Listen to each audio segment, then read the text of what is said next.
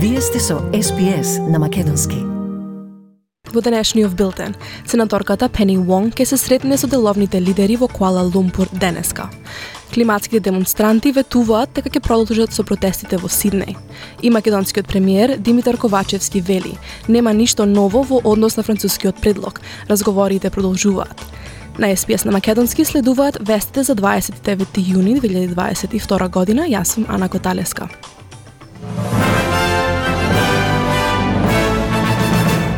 Сенаторката Пени Вонг ќе се сретне со деловните лидери во Куала Лумпур денеска, кон крајот на незината посета на Малезија, пред да го посети незиното родно место Сабах на островот Борнео. Таа веќе се сретна со министерот за надворешни работи на Малезија, опишувајќи го состанокот како цитат топол и продуктивен. Министерката за надворешни работи рече дека со Саи Фудин Абдала разговарале за голем број прашања од заеднички интерес, вклучително образованието, одбранбената соработка и регионалната безбедност. Регионалната безбедност зазеде централно место на заедничката пресконференција по разговорите, каде што сенаторката Вонг ја разјасни позицијата на Австралија за договорот со француската компанија за нуклеарни подморници на ОКЕС. Uh, what we are doing uh, is replacing an existing capability uh, which with a new capability, and that is nuclear propelled, nuclear powered submarine. So, you know, the propulsion system is powered by nuclear power, but we remain very clear that we do not seek, uh, and nor would we ever seek to arm, have any nuclear capability um, on our submarines. Денеска во парламентот на Нов Южен Велс започнува истрага за назначувањето на поранешниот вице-премиер Џон Барларо на работно место во Соединетите држави. Државната влада се соочи со критики откако ме ододали на господин Барларо улогата која заработува 500.000 долари годишно во Нью Йорк како виш комесар за трговија и инвестиции, поради загриженост дека не била следена соодветна процедура. Секретарката на одделот за предпријатија, инвестиции и трговија, Еми Браун, која е извршна директорка на Investment No Vision Wells, се сослушува денеска. Таа ќе треба да одговори зошто услугите на приватна компанија за рекрутирање биле прекинати пред господин Бариларо да го така добие работното место. Постојат и спекулации дека друга личност првично била избрана за улогата, но понудата била повлечена. Климатските демонстранти ветија дека ќе продолжат со протестите и покрај тоа што 12 лица од групата Блокада Австралија беа уапсени во централната деловна област на Сиднеј. Планираниот протест во вторникот брзо се распрсна поради силно полициско присуство, кое вклучуваше и хеликоптери. Но една од активистите вели дека климатските промени се клучно прашање од кое не смееме да се откажеме.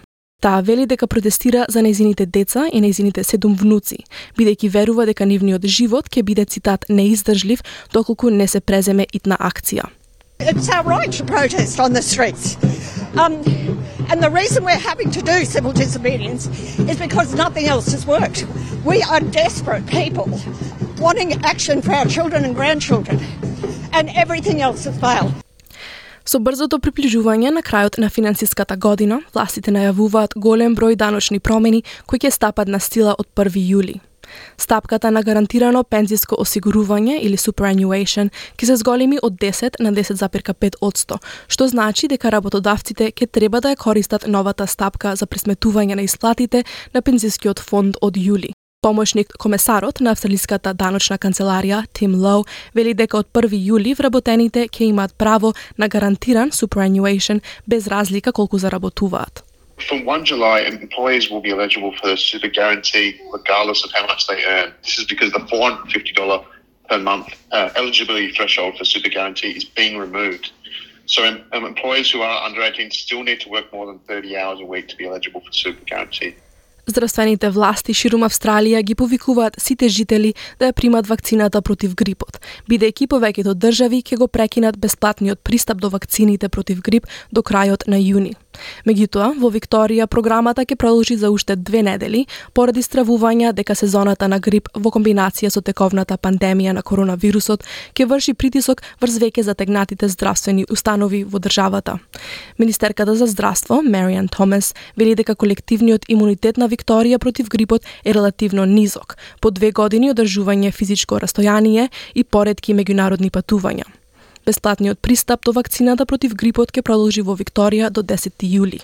Нема нови моменти во однос на предлогот на француското председателство со Европската Унија за тргање на бугарското вето за евроинтегративниот процес на Македонија.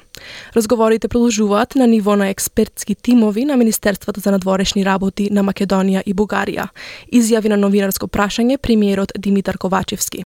Тој повтори дека владата останува на ставот за францускиот предлог изнесен се извинувам на пресконференција во Брисел минатата недела.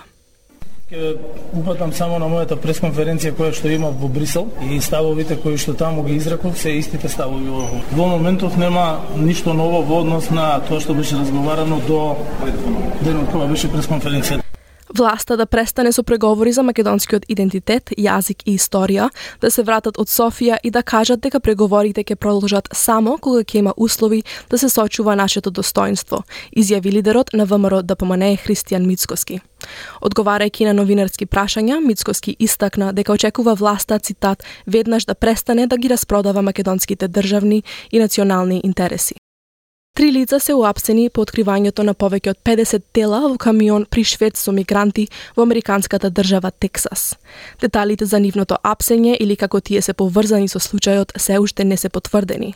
Но властите веруваат дека лицата пронајдени мртви во возилото биле мигранти кои патувале на границата со Мексико.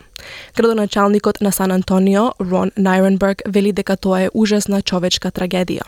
You're asking you know, how do we solve the migration crisis uh, in North America? I don't know if the, the city has the answer to that. Турција се согласи да ги поддржи апликациите на Шведска и Финска за членство во НАТО. Руската инвазија на Украина ги поттикна нордиските нации да го напуштат својот долгогодишен независен статус и да аплицираат за влез во алијансата. Но Турција се спротистави врз основа на загриженоста за терористичките организации. Генералниот секретар на НАТО, Јан Столтенберг, сега потврди дека е подпишан меморандум меѓу трите нации по 4 часовна средба во Мадрид пред самитот на НАТО што треба официјално да започне денеска. Столтенберг вели дека меморандумот се однесува на загриженоста на Турција. Today we met, uh, we discussed, and we find a good solution. And that's the way we solve problems in NATO. The door is open, uh, the uh, the, the, the, the joining of Finland and Sweden to our alliance is something that will take place. Експертите за воени злосторства ги анализира остатоците од трговскиот центар во централна Украина, кој беше погоден од руски ракетен напад вчера. Во меѓувреме, Русија продолжува да негира дека истрелала проектили врз трговскиот центар во преградието, каде што загина најмалку 18 цивили. Заменик представникот на Русија на Обединетите нации Димитри Полјански изјави на Советот за безбедност на Обединетите нации дека вооружените сили погодиле воени градби, кои сигурно експлодирале, предизвикувајќи пожар кој се прошил во блискиот трговски центар. That is when apparently the idea came to stage a new type of provocation, an alleged strike on a shopping centre in Kremenchuk. In reality, there was no strike on the shopping centre. The Russian armed forces used precision weapons to strike hangars with Western weapons and ammunitions received from the United States and European countries in the area of the Kremenchuk Road machinery plant. В районе Кременчугского завода дорожных машин. Русија постојано негираше дека цели на цивилна инфраструктура во Украина, иако руските напади погодија други трговски центри, театри, болници, градики и станбени згради. Премиерот Антони Албанезе го осудува нападот на руската војска врз трговскиот центар во Украина. Говорејќи во Мадрид на состанокот на самитот на НАТО, тој рече дека тоа е трагична последица на војната и дека рускиот председател Владимир Путин го обединува светот против него. This is a civilian target. This reinforces the atrocities being committed in this illegal war of aggression by Russia and why it must stop. It's one of the reasons why I'm here at NATO and will be a focus on the democratic nations which make up NATO and also uh, the Asia Pacific Four who've been invited to this important forum. Албанезе беше повикан да ја посети Украина и беше прашан дали неодамнешите настани ќе влијат на потенцијалната одлука да го стори тоа. Тој вели дека ќе продолжи да ја проценува ситуацијата.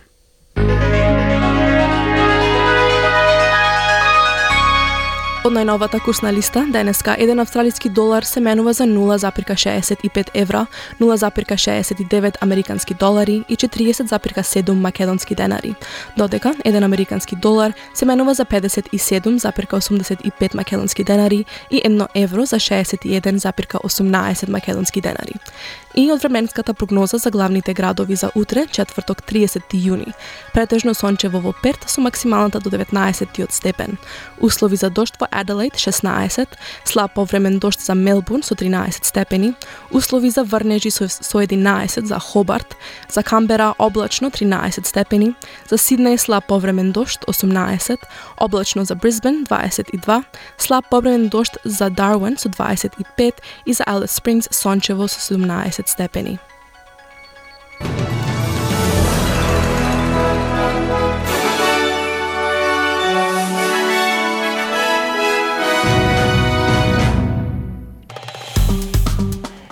Сте, ми се допаѓа, споделете, коментирајте.